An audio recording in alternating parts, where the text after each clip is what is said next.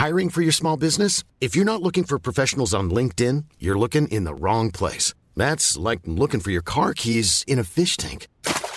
LinkedIn helps you hire professionals you can't find anywhere else, even those who aren't actively searching for a new job but might be open to the perfect role. In a given month, over 70% of LinkedIn users don't even visit other leading job sites. So start looking in the right place. With LinkedIn, you can hire professionals like a professional. Post your free job on linkedin.com slash people today.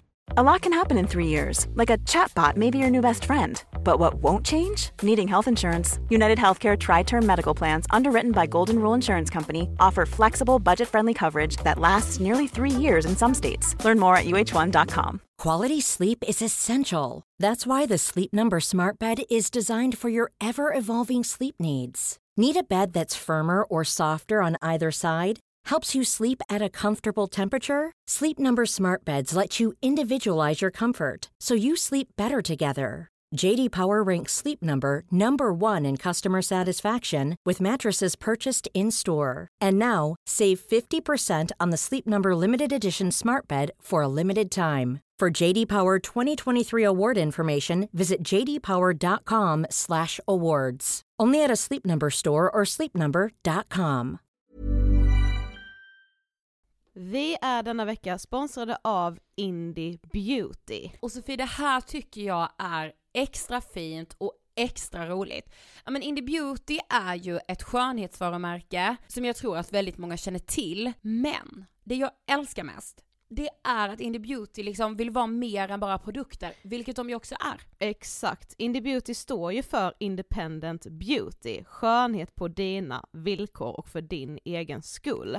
Och Indie Beauty tror ju stenhårt på ett alternativt skönhetsideal fritt från måsten, skam och känslor av otillräcklighet. Där är jag helt med Indie Beauty. Jag med. Det är så jag vill att skönhet ska vara. Ja men verkligen. Och vet du vad som är nytt för i år Sofie? Berätta. Från och med i år så skänker Indie Beauty 1% av sin försäljning till Suicide Zero, Tjejzonen och Djurens Rätt. Så när man handlar produkter från Indie Beauty så kan man liksom känna att man också ger tillbaka till samhället. Ja, kraften i tillsammans. Ska jag säga en sak nu då, Mm. som jag, det, men det är detta jag är extra glad över.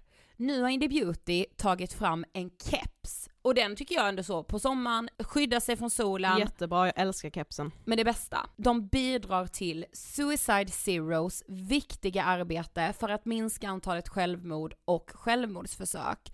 Så för varje såld keps så går hela vinsten, 100 kronor, direkt till Suicide Zero. Då kan man liksom göra nytta både för samhället och sin hud på en och samma gång. Ja, och kepsen kostar 169 men alltså hela vinsten går då som sagt till Suicide Zero.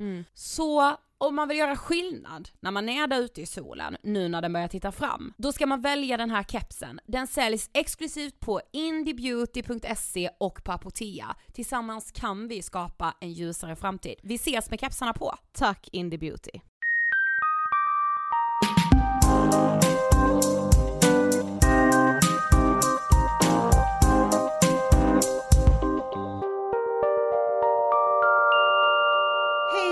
allihopa och hjärtligt välkomna till avsnitt 206 av Ångestpodden. Hej! Direkt från Karlshamn. Wow, det är därför ljudet är lite speciellt. Yes, vi sitter inte i vår studio som vanligt utan vi är hemma i Karlshamn, sitter just nu hemma hos min mamma. Ja, i ditt vardagsrum. Yes, i hennes vardagsrum. I hennes vardagsrum. Ja, Ja men det är lite mysigt. det är jättemysigt. Jag Men- vill aldrig åka härifrån när jag är här. Nej men jag vet, men det kan påverka ljudet. Ja, det kan det. Men vi hoppas inte att det ska göra det allt för mycket. Vi Nej. får helt enkelt se. Ja. Idag är det den 2 januari när vi spelar in det här. Ja. Den tredje när det släpps. Det är liksom den, det är 2019 nu. Jag vet. Och det ger ju mig liksom lite blandade känslor. För jag såg någon som hade skrivit så här bara åh vad härligt det är att vända blad och liksom att det blir en nystart och att man får en nystart. Nystart klarar inte jag. Men jag har, alltså jag har helt låtit det passera mig. Du vet så här med nyårslöften och eh, att det är Alltså jag vet inte, det kanske är för att man har varit lite förvirrad för att både julafton och nyårsafton var en måndag. Och så blev det så här juldagen, en tisdag, alltså vet man har varit helt jävla förvirrad i vilka dagar det är. Nej men jag tror det har att göra med lite det vi släppte förra veckan också, alltså vårt avsnitt förra veckan där vi var såhär nej men alltså vi kan inte ha nyårslöften. Nej. Nej visst, men också... För att du kanske hamrade in det då. Mm. Förstår du? Men nej men jag menar det här, alltså nystart för mig som Mm. är så mycket nostalgiker. Det är ju lite panikartat nästan. Att så här, ska jag behöva lämna någonting som jag nu är trygg i? Mm. Lite vemodigt är det ju. Ja, alltid. Och Och, jag är... det kanske också, alltså jag, jag tycker själv, jag själv hade ett väldigt bra 2018 så nu kan jag ju bara tänka att något hemskt typ kommer hända 2019. Mm, jag med. Och att såhär bara nej gud nu kommer det här bli ett skitdåligt år. Ja, det Det är ju, alltså det är, det är verkligen sånt jävla ilandsproblem. Alltså Jag jag, fattar att, men vissa, alltså vissa saker som jag har ångest över är verkligen så här: jag måste gaska upp mig. Ja, Jag måste skärpa mig. Ja men verkligen. Det måste jag med, Mm. vissa saker jag har ångest över. För då kan jag ju osökt ta dig in på någonting som jag har haft ångest för senaste dagarna. Mm. Och det är faktiskt, hör och häpna, ni som har lyssnat ett tag vet. Alltså min kräkfobi. Mm. Jag har mått illa. Jag vet inte om jag har gjort det eller om jag har hittat på det, men jag har mått illa. Aha. Nu sen, eh, ja det började typ så fyra dagar innan nyår. För jag tror att jag har börjat med en ny grej. Mm. Okej. Det är att jag är så jävla rädd att missa saker som jag tror ska bli kul. Så då bygger jag Fear upp of missing out. Ja, det är ju väldigt FOMO. vanligt. Det kommer ett avsnitt helt om FOMO. Men, men alltså då, nej men alltså då känner jag liksom så här: kommer jag bli magsjuk? Och det räcker med att jag läser om någon, alltså så på långväga. Mm. Jag kan se en film där någon blir matförgiftad och jag bara, jag kommer bli det nu. Mm.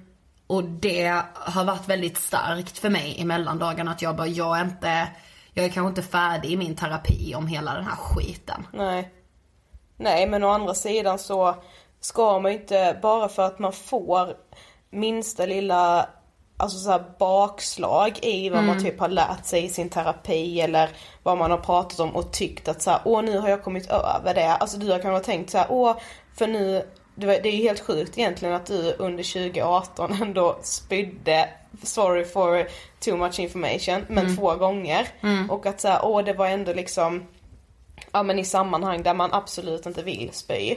Ja, och du gjorde verkligen. det ändå och upptäckte att så här, ja men okej jag dör ju inte. Alltså livet går ju vidare. Mm. Och då kanske du tänkte så här, men ändå fan vad skönt. Då har jag liksom kommit vidare i det nu, då har inte jag kräkfobi längre. Mm. Ja. Och sen nu kanske det lite kommer tillbaka. Precis. Det behöver du, du man behöver ju inte osökt direkt tänka att åh nu måste jag börja i terapi igen bara för att du känner Nej. lite. Du måste ju fortfarande, alltså försök ta ett djupt andetag och tänka på alla redskapen du har fått och på de där två incidenterna under 2018. När du ser att jag vänder mig liksom Jo men du överlevde ju. Jo men jag vet och så här, jag, alltså jag dog ju inte. För jag Nej. tänkte säga bara gud kan jag träffa min bebis höll jag på att säga men alltså min kusins bebis, alltså det är ett litet barn. Alltså Mm. typ så här, och sen bara nej hon om någon är skyddad från typ allt. Mm. Men så här, du vet jag blir så här, var kan det finnas bakterier? Jag och min kille var så här på Emporia i Malmö, det är ju jättestor så här shoppinggalleria.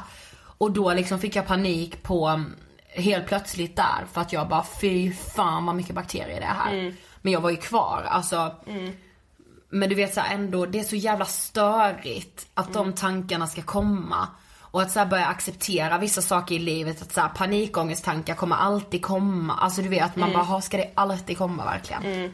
Jo men jag tror också, alltså detta kanske blir året där jag typ, jag vet inte för att Alltså jag har märkt med mig att jag kan ha så här dagar där jag känner mig jävligt opepp på det mesta. Ja. Alltså verkligen på typ allt, på hela livet liksom. Sen är det inte så att den känslan håller i sig hela dagen. Nej. Men jag vet när vi, ehm, vi gjorde ju en poddkollab med pappapodden. Ja. Ehm, där Nisse då sa att han känner, han känner sig opepp typ varje morgon när han vaknar. Ja. Och bara så ah, inte ännu en jävla dag. Nej, och jag kunde verkligen Ja. känna igen mig i det. det, det jag, alltså jag har inte tänkt på det så innan. Men jag tror att jag måste börja acceptera att det är en sida i mig som är så. Mm. Lika mycket som, alltså du har en sida i dig som, som har väldigt mycket ångest. Mm. Och så här, Alltså inte att man liksom ska acceptera och må skit liksom, absolut inte. Men så här, du ska kanske ändå vara glad att du bara ha, är lite rädd för att kräkas. Men precis. Alltså för såhär, ja nu gick du där och tänkte åh var finns det bakterier någonstans? Fast du, det var inte så att du sket i att åka till en påga. Nej, du jag var ju ju ändå där. där. Ja. Sen hade du Men jag lite- sa inte ens till min kille. Nej, Alltså, men jag du bara- hade lite ångest där under dagen och bara usch Ja. vad äckligt liksom. Men du, du kommer nog alltid vara så. Ja, jag vet. Det är det Sofie. Och det är liksom, det är livet. Alltså på något sätt, jag vet inte, det har, det har nog växt fram lite under tiden vi har skrivit vår bok. Ja. Som ju släpps till våren. Men alltså bara det här med att det härliga livet, det blir ju härligt för att det inte är härligt jämt. Precis. Alltså det är det som är själva nyckeln. Ja. Men vet du så här, alltså vet du vad jag garvar åt? För jag vet typ att vi sa så i januari förra året, vi bara det här året ska vi lära oss hantera vår ångest. Mm. Man bara, Jo fast jag tycker jag har gjort det för att jag börjar acceptera att det är en del av mig. Alltså, och det här är sista avsnittet av Ja, Ångestpodden. hejdå! Nej. Nej men Ah, alltså, jag är inte där i alla fall. Nej, Alls. okej. Skulle jag Men ska du börja säga. terapi igen nu då på grund av din kräkfobi? Nej, alltså mm, nej nej. Alltså jag tror inte jag kommer börja terapi ännu. Nej. Alltså inte i januari i alla fall. Nej. Men, Men- februari. Men 2019, absolut. Alltså det tror jag ju. jo, jo, men det kommer ju kanske dyka upp saker på vägen som gör att man ändå måste gå i terapi igen för saker kommer ju hända i livet som man inte orkar hantera själv. Ja men faktiskt. Mm. Men vet du vad jag tror med, alltså innan vi drar igång liksom dagens avsnitt lite mer. Det är att du och jag ska göra mer avsnitt själva Mm. Ja, det här året. absolut. Vi inser ju att ni tycker ju om det. Ja. Jättemycket Och liksom. vi tycker ju det är fett kul att göra det själva också. Ja, det är jätteroligt. Sen vill jag typ alltid ändå ha ett tema. Det är liksom Mm. svårt när vi ska podda själva bara såhär, åh vi ska hålla oss till det här ämnet för man svävar alltid ut. Men det behöver ändå vara ett tema för jag har lite svårt för bara det här snicksnack-poddarna. Ja. Jag gillar, alltså jag, jag gillar själv inte att lyssna på det och då kan jag ju själv inte göra en sån podd. Nej. Jag vill ändå hålla mig till något typ av tema. ja, men jag vill nog också det. Ja, men om ni, ni är ju väldigt bra på att önska ämnen Mm. eh, till oss och typ såhär är diagnoser vi ska ta upp och så här och det gör vi ju jättegärna och vi älskar alla tips vi kan få. Vi Verkligen. skriver alltid upp allt, sen kan vi aldrig svara på när det, de avsnitten kommer komma. Men om ni har typ så här specifika ämnen som typ handlar om liksom vardagsångest eller om den här ångesten som jag tror att alla någon gång kan känna igen sig Precis. i. Men som kanske ändå är så här specifikt. Ni är typ så här ensamhet, nostalgi när vi kom på att vi skulle podda om det. Alltså sådana ämnen. Kan inte ni skriva det till oss då? Ja, på typ Instagram där vi heter Angestpodden. Yes, så kan vi liksom ändå, vi, då fortsätter vi skriva upp alla ämnena som vi får där. Precis. Men eh, idag, liksom att kicka igång ett år. Ja, Det gör man ju inte liksom sådär lätt. i en handvändning. Nej, och då kom vi ju på det. Att ni måste ju få ställa frågor. Ja. För det senaste vi gjorde det var typ, inte ett år sedan, men det var kanske typ i höstas. Ja. Och vi bara, vi måste göra det här snart igen och sen har vi aldrig gjort det. Nej men vi gjorde ju en frågepodd med Jesper ju. Ja just det, psykolog-Jesper. Mm, Ja. Då fick vi extremt mycket frågor. Eh, och vi är ju själva inte psykologer. Så Nej. vi kan ju bara, det känns alltid som att vi ändå vill poängtera det när vi gör frågepoddar. Att vi kan bara svara utifrån oss själva. Och vad vi tror och vad vi liksom har lärt oss genom, vi har ju trots allt gjort över 200 avsnitt nu. Precis. Men liksom ändå poängtera det. Vi är inga psykologer så man kan inte ta våra råd på samma sätt som en psykolog. Nej. Även om vi tycker själva att vi har väldigt bra svar. Ja verkligen. Nej men verkligen. Ja men faktiskt. Eh, och tack till alla er som har ställt frågor. Vi kommer inte hinna svara på alla men många var ganska snarlika också. Så jag tänker att jag väljer ut de som är, är väldigt övergripande så kanske någon annan fråga glider in i den och så vidare. Ja men så bli- blir det. Det Ja. tror jag. Men okej, första frågan. Är det okej att sluta gå till sin psykolog om det bara får en att må sämre? Ja, det är det. Men eh, det beror lite på eh, alltså personen som har skrivit frågan, var i processen verkligen. du är i din terapi. För att så här, det är ju, det ska man ju verkligen ha med sig att bara för att man har bestämt sig att okej nu ska jag, nu ska jag börja gå i terapi Ja. liksom. Så kanske man träffar en psykolog och känner att alltså vi klickar inte. Nej precis. Det är ganska svårt att klicka med en person i första mötet så man Ja. kanske ska ge det en chans till. Men känner man ändå ganska tydligt att så här, vi- klickar inte, jag vill inte öppna upp mig för den här Nej. personen. Då ska man absolut byta. Ja. Men, Ja men alltså det, det man verkligen ska veta med Mm. terapi, det är ju att det är ett helvete i början. Ja. Alltså när jag gick i terapi för första gången hösten 2014 för min panikångest, då var ju det jag ångrade mig så mycket för efter typ tre, vad säger man, sessioner, nej men tre gånger med den här psykologen och vi verkligen hade liksom börjat ta tag i att jag hade panikångest, identifierat det, förstått vad det är. Då blev det också mycket, mycket värre. Så jag tänkte ju bara, varför har jag gjort det här? Nu har jag orsakat mig själv liksom värre mående än vad fan jag hade innan. Den här psykologen skulle ju hjälpa mig, varför gör hon inte det? Men det är ju också för att när man börjar, börjar jobba med någonting så går man ju liksom till botten med problemet. Vilket ju är det man måste göra, men det är också jättetufft. Så det beror på var i processen den här personen är. Det, det måste jag säga. Men sen så här med, inte bara sluta hos psykologen tvärt, utan byta till en annan. Ja. För förmodligen har man liksom sökt sig till en psykolog, då har man ju också gjort det för att man faktiskt du behöver har ju hjälp. redan börjat gräva förmodligen Ja. i, i liksom roten till varför du mår dåligt och då är det ju ännu svårare att ta sig ur det om man inte får liksom redskapen till att kunna hantera det själv. Precis. Men och det är ju liksom så här i den här tuffa början av en terapi så är det bara så här, alltså det är bara att härda ut. Verkligen. Och vara så jävla stolt över dig själv för det finns så många som går igenom hela livet utan att ta tag i de egentliga problemen när man har ångest. Och också faktiskt, som jag måste säga, jobba hårt. Ja.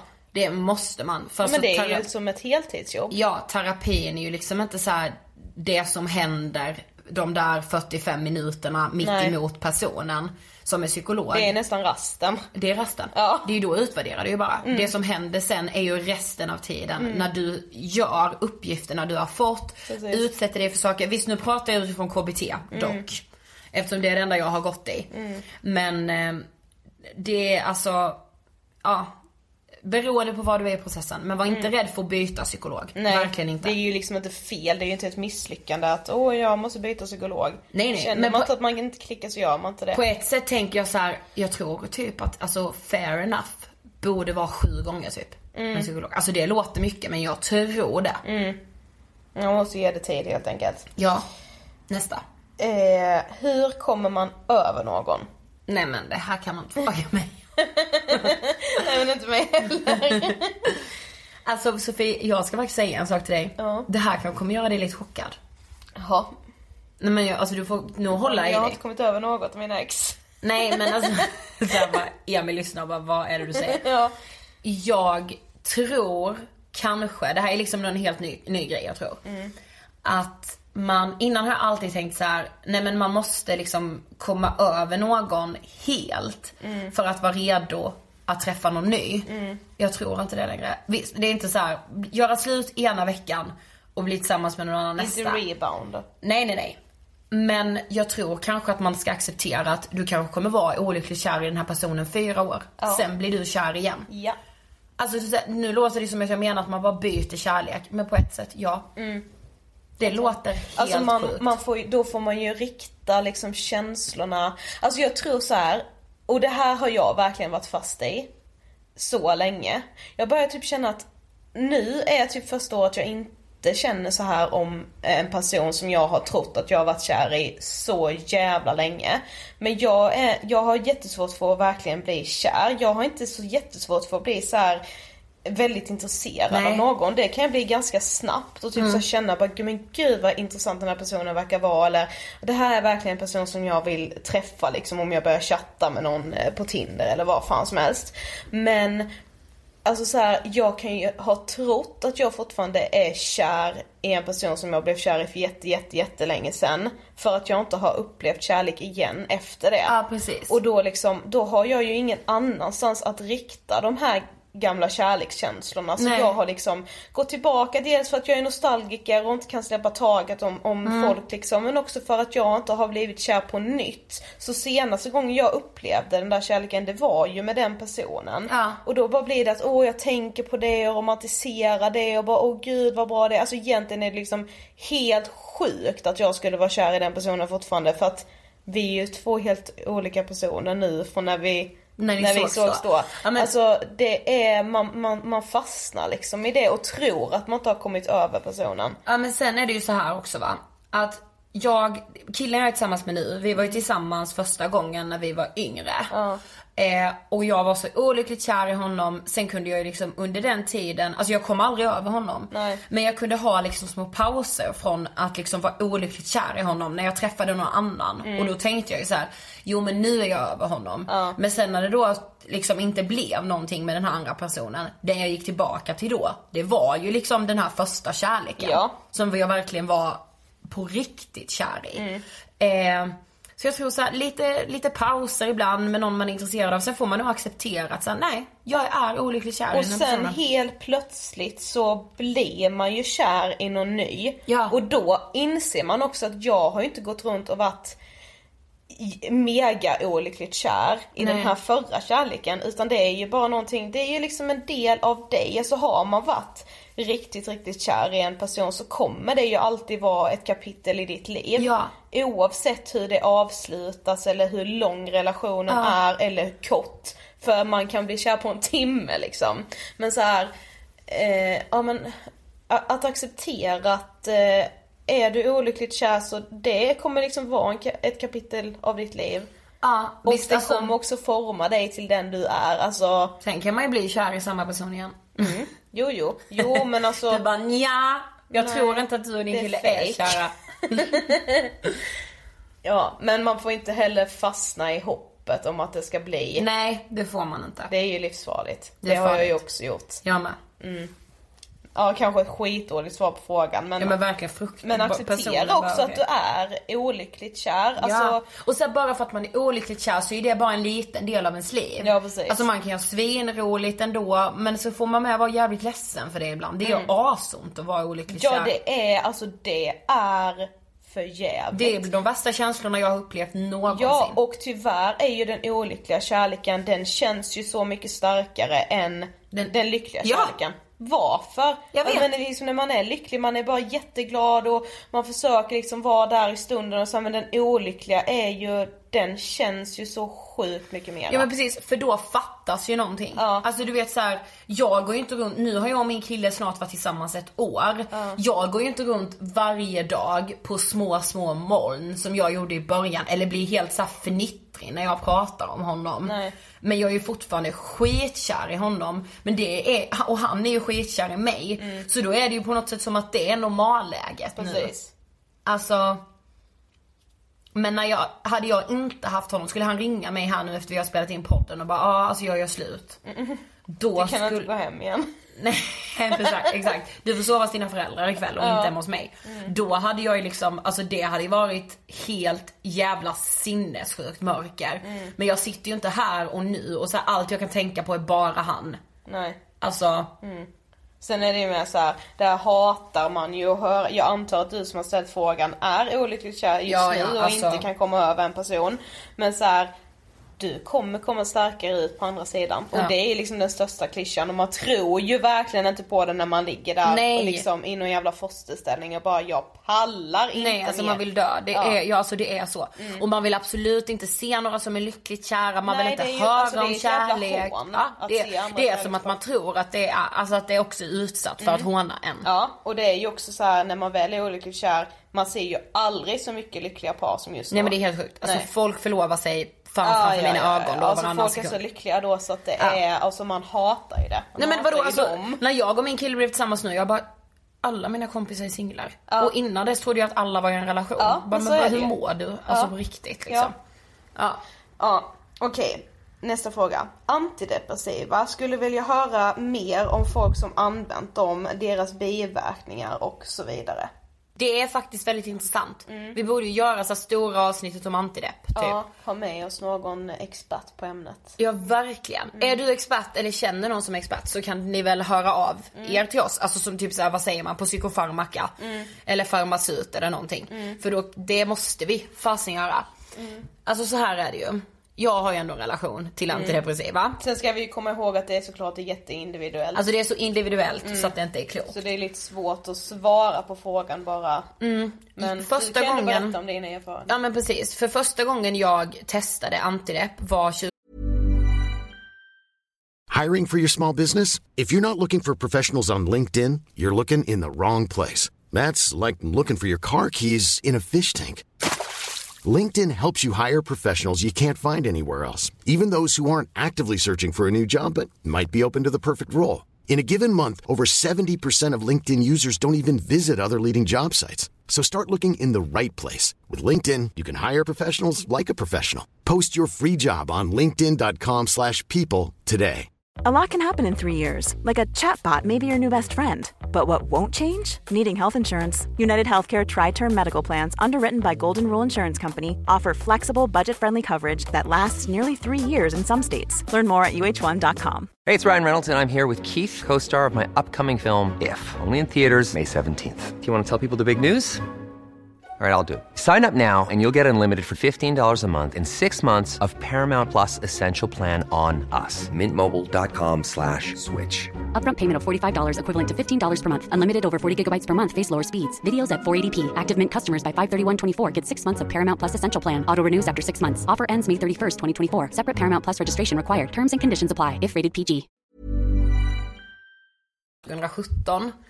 Eh, och då, alltså vi är absolut inte sponsrade av några läkemedel. Men det känns liksom lättare att berätta när man får säga de namnen. Men med det sagt, jag tipsar inte om några. Så här var det bara för mig. Då åt jag några som heter Cetralin som är väldigt vanliga. Brukar funka för de flesta har jag hört. Eh, funkade verkligen inte för mig. För jag fick så mycket fysiska biverkningar i form av huvudvärk, illamående, jätte, jätte, jättetrött.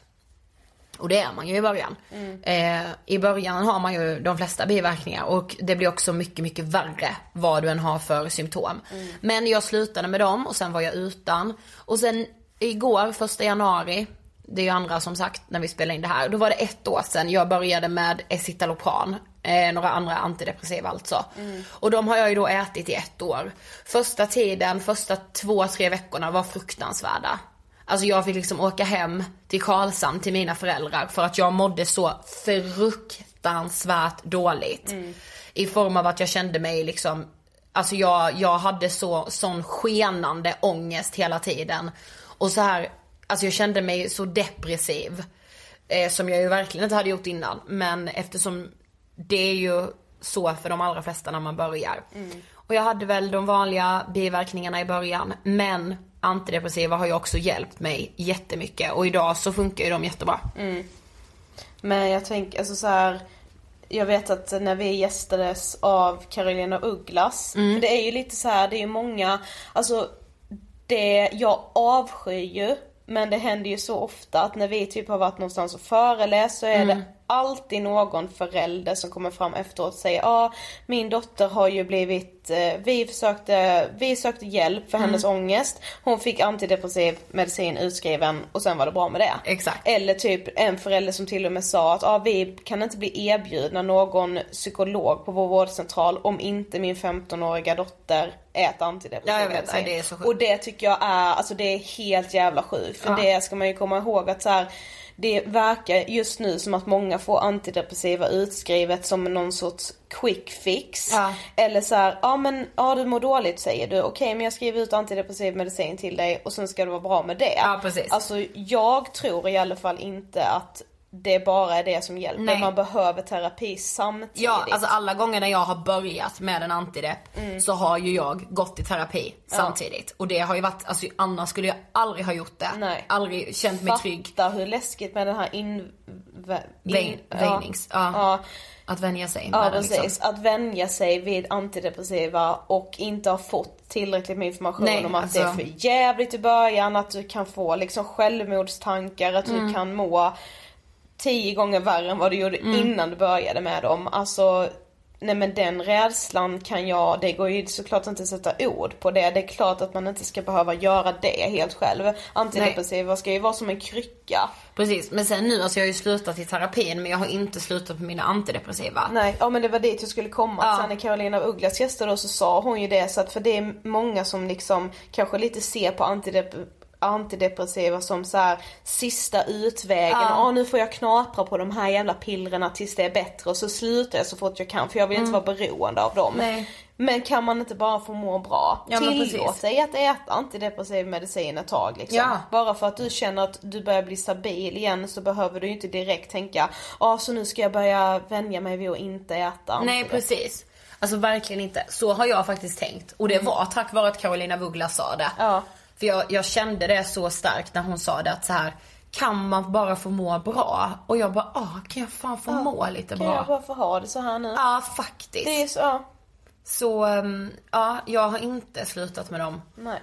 Alltså man ska verkligen, när man väl har börjat, vara jättenoga med att ta dem. Att så ställa en klocka, vet man med sig att så här, gud jag är så slarvig med att ta eh, tabletter, så p-piller och komma ihåg och sådär. Alltså ställ en klocka. För nu för någon vecka sedan så glömde jag att ta en tablett. Och då, alltså i flera dagar, jag bara jag kommer få hög feber för det kändes som det. Så alltså, det låter ju såklart skitläskigt men, men det är ju också för att så här, kom ihåg att ta dem. De gör ju dig, eller de hjälper ju dig att må bättre. Eh, men jag, när, när det blir så kan jag bli så här: shit fan vad läskigt. Alltså så här, gör de så mycket med mig. Men sen samtidigt, nej men alltså det, det- det är ju så med alla mediciner. Om du inte tar ett p-piller, nej du kan inte få så mycket fysiska symptom men då är du inte skyddad från graviditet. Nej precis. alltså så här, Det är ju därför man äter medicin annars Verkligen. Mm. är det ju onödigt. Okej nästa fråga.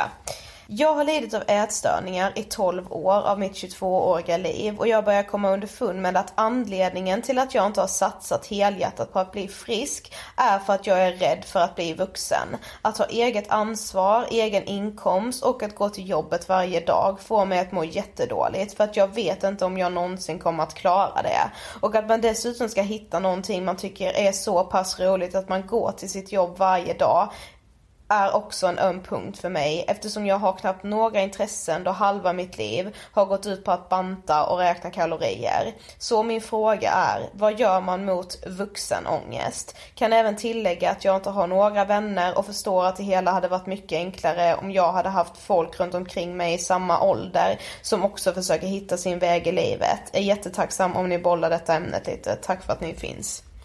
oj vilken så här modig Ja. eh, fråga att skriva. Men jag, tycker också så spot on fråga för att det är så jävla vanligt att hamna i den här situationen. Ja, men verkligen. Oavsett vilken form av psykisk ohälsa man lider av. Mm.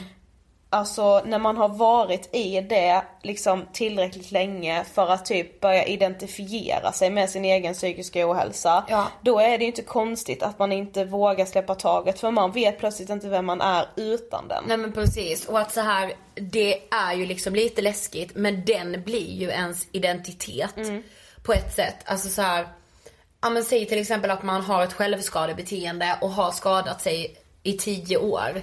Alltså då blir det en så stor del av vardagen. Och jag tänker med som den här personen skriver att, ja men i halva livet liksom. Alltså att lida av någon form av psykisk ohälsa eller diagnos när man är liksom 13, 14, 15, 16. Alltså i de här tonåren när det händer så mycket i ens kropp, man liksom formas till en vuxen människa. Att då ha någon form av psykisk ohälsa. Det är ju såklart att det blir liksom som en identitet. Alltså igen, det jag tänker är så här, det låter ju typ hårt. Men jag tänker ju att så här, det finns ju inget alternativ att ha den med sig. Att ha sjukdomen med sig.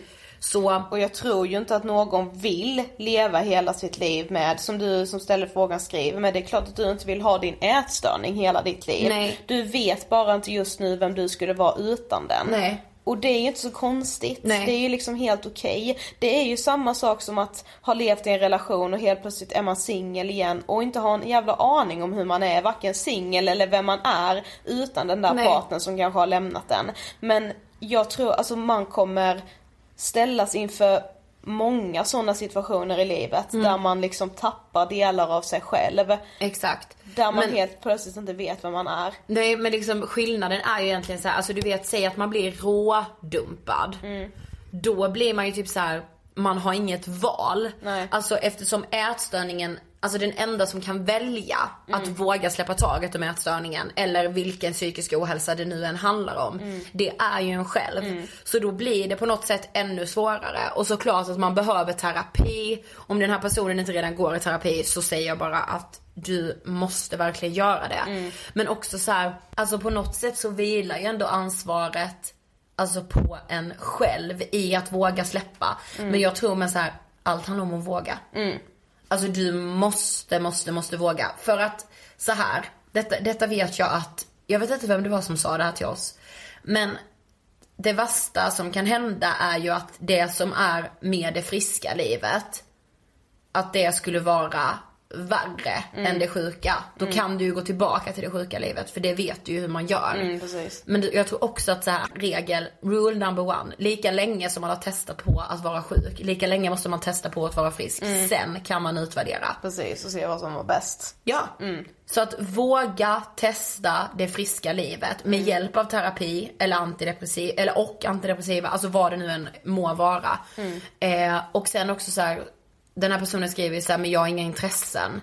Att så här, du kommer hitta dina intressen. Ja, det skulle jag vilja säga att så här, du som ställer frågan har ju kommit en så mycket längre bit på vägen än vad du typ fattar själv. Ja. För du har, du har redan identifierat ditt problem. Ditt problem varför du inte vågar släppa taget om din ätstörning är för att du är rädd för att bli vuxen. Någon annan kanske är rädd för något annat. Alltså så är det Precis. också jättevanligt med liksom så här, olika former av psykisk ohälsa. Liksom om det så är ätstörning eller självskadebeteende eller vad det än må vara. Att liksom det ursprungliga problemet är inte just ätstörningen utan det är någon annan form av rädsla. Verkligen. Det finns liksom en, en djupare ångest som kanske inte är så djup egentligen men den orsakar så mycket rädsla för att man liksom inte har vågat sätta ord på det eller ens kunnat göra det.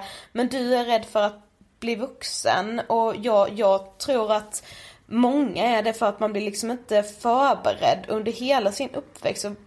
Är det så många som inte blir förberedda på vad vuxenlivet innebär. Alltså man pratar knappt om typ så arbetslivet i skolan. Nej, alltså det det hur man, säga. Hur man betalar en jävla räkning och alltså hela det här Hur man söker Livets jobb, hårda typ. skola. Lite, nej men seriöst, alltså livet är ju skittråkigt ibland. Men det Ja. är det för alla. Men man fattar liksom inte det riktigt. Nej men jag tror med så här, alltså vi har liksom jag tror alla håller såklart inte med mig men så här, vi har ett starkt socialt skyddsnät i Sverige. Och vi har så här, alla har rätt till skolgång, eh, vi har liksom fri skolgång och hela den.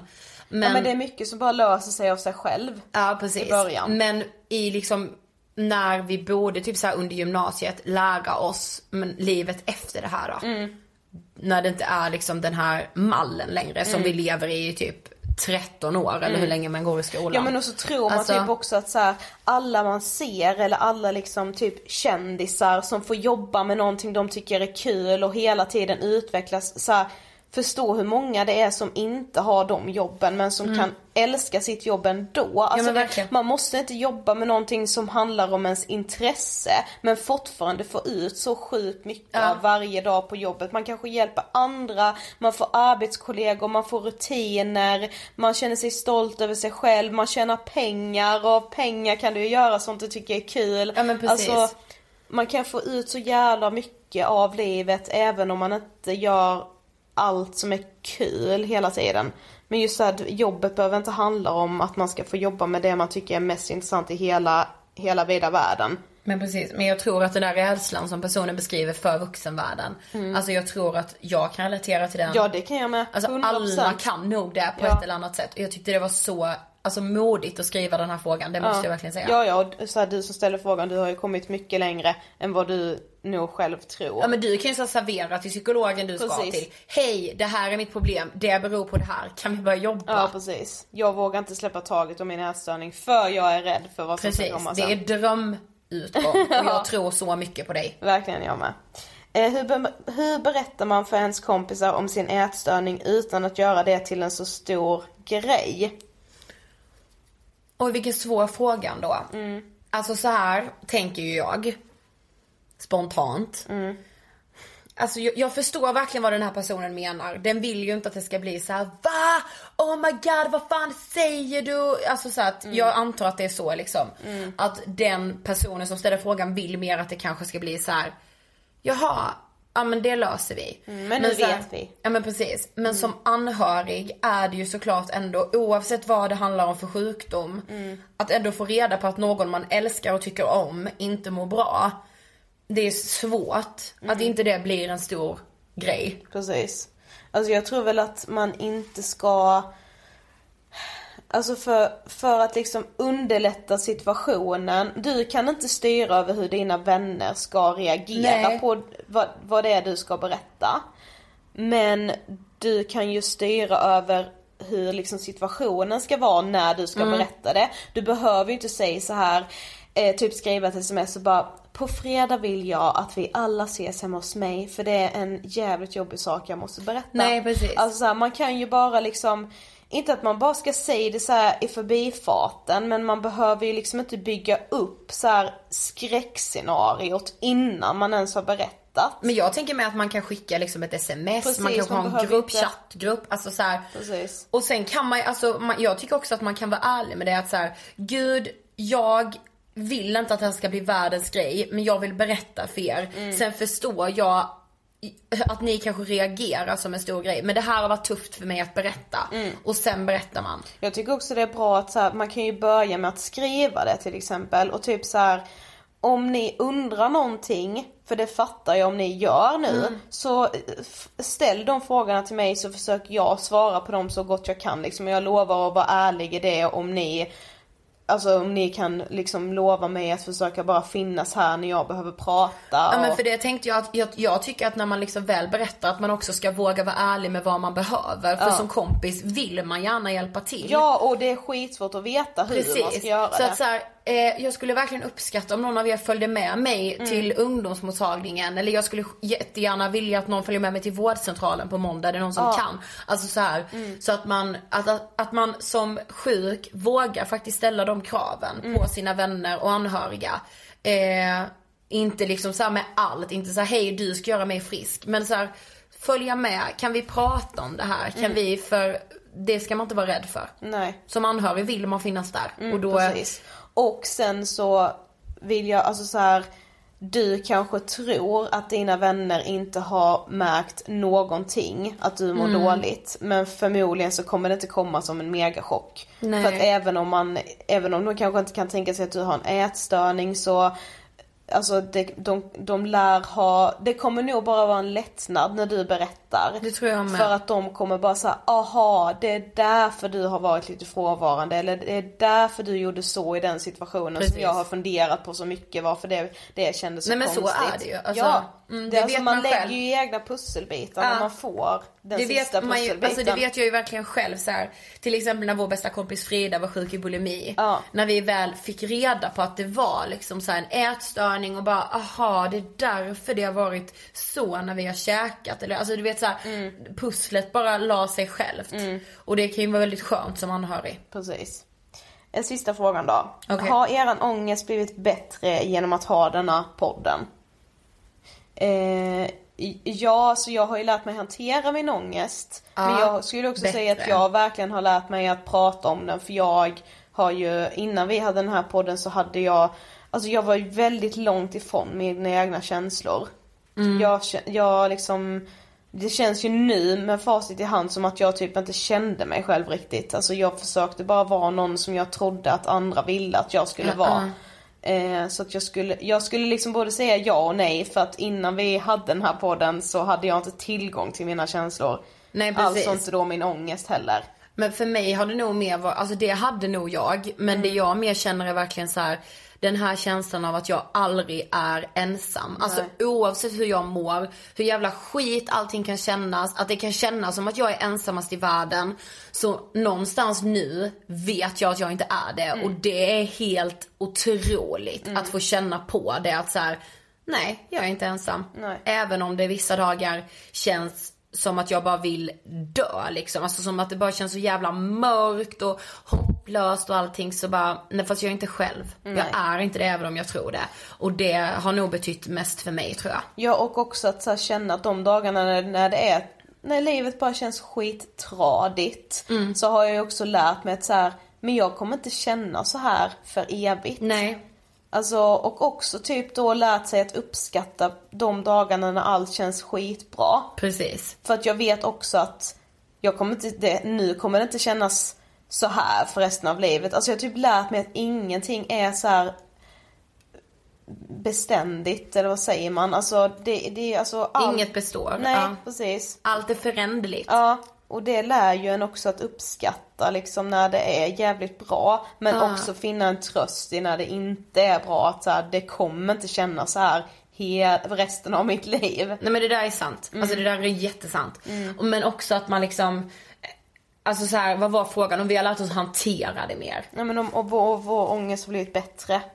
Ja, nej alltså jag skulle ändå inte säga att den har blivit bättre. Men däremot har jag lärt mig hantera den på ett annat sätt. Precis. Så sant. Ja, Okej, det var väl de frågorna vi hinner med idag.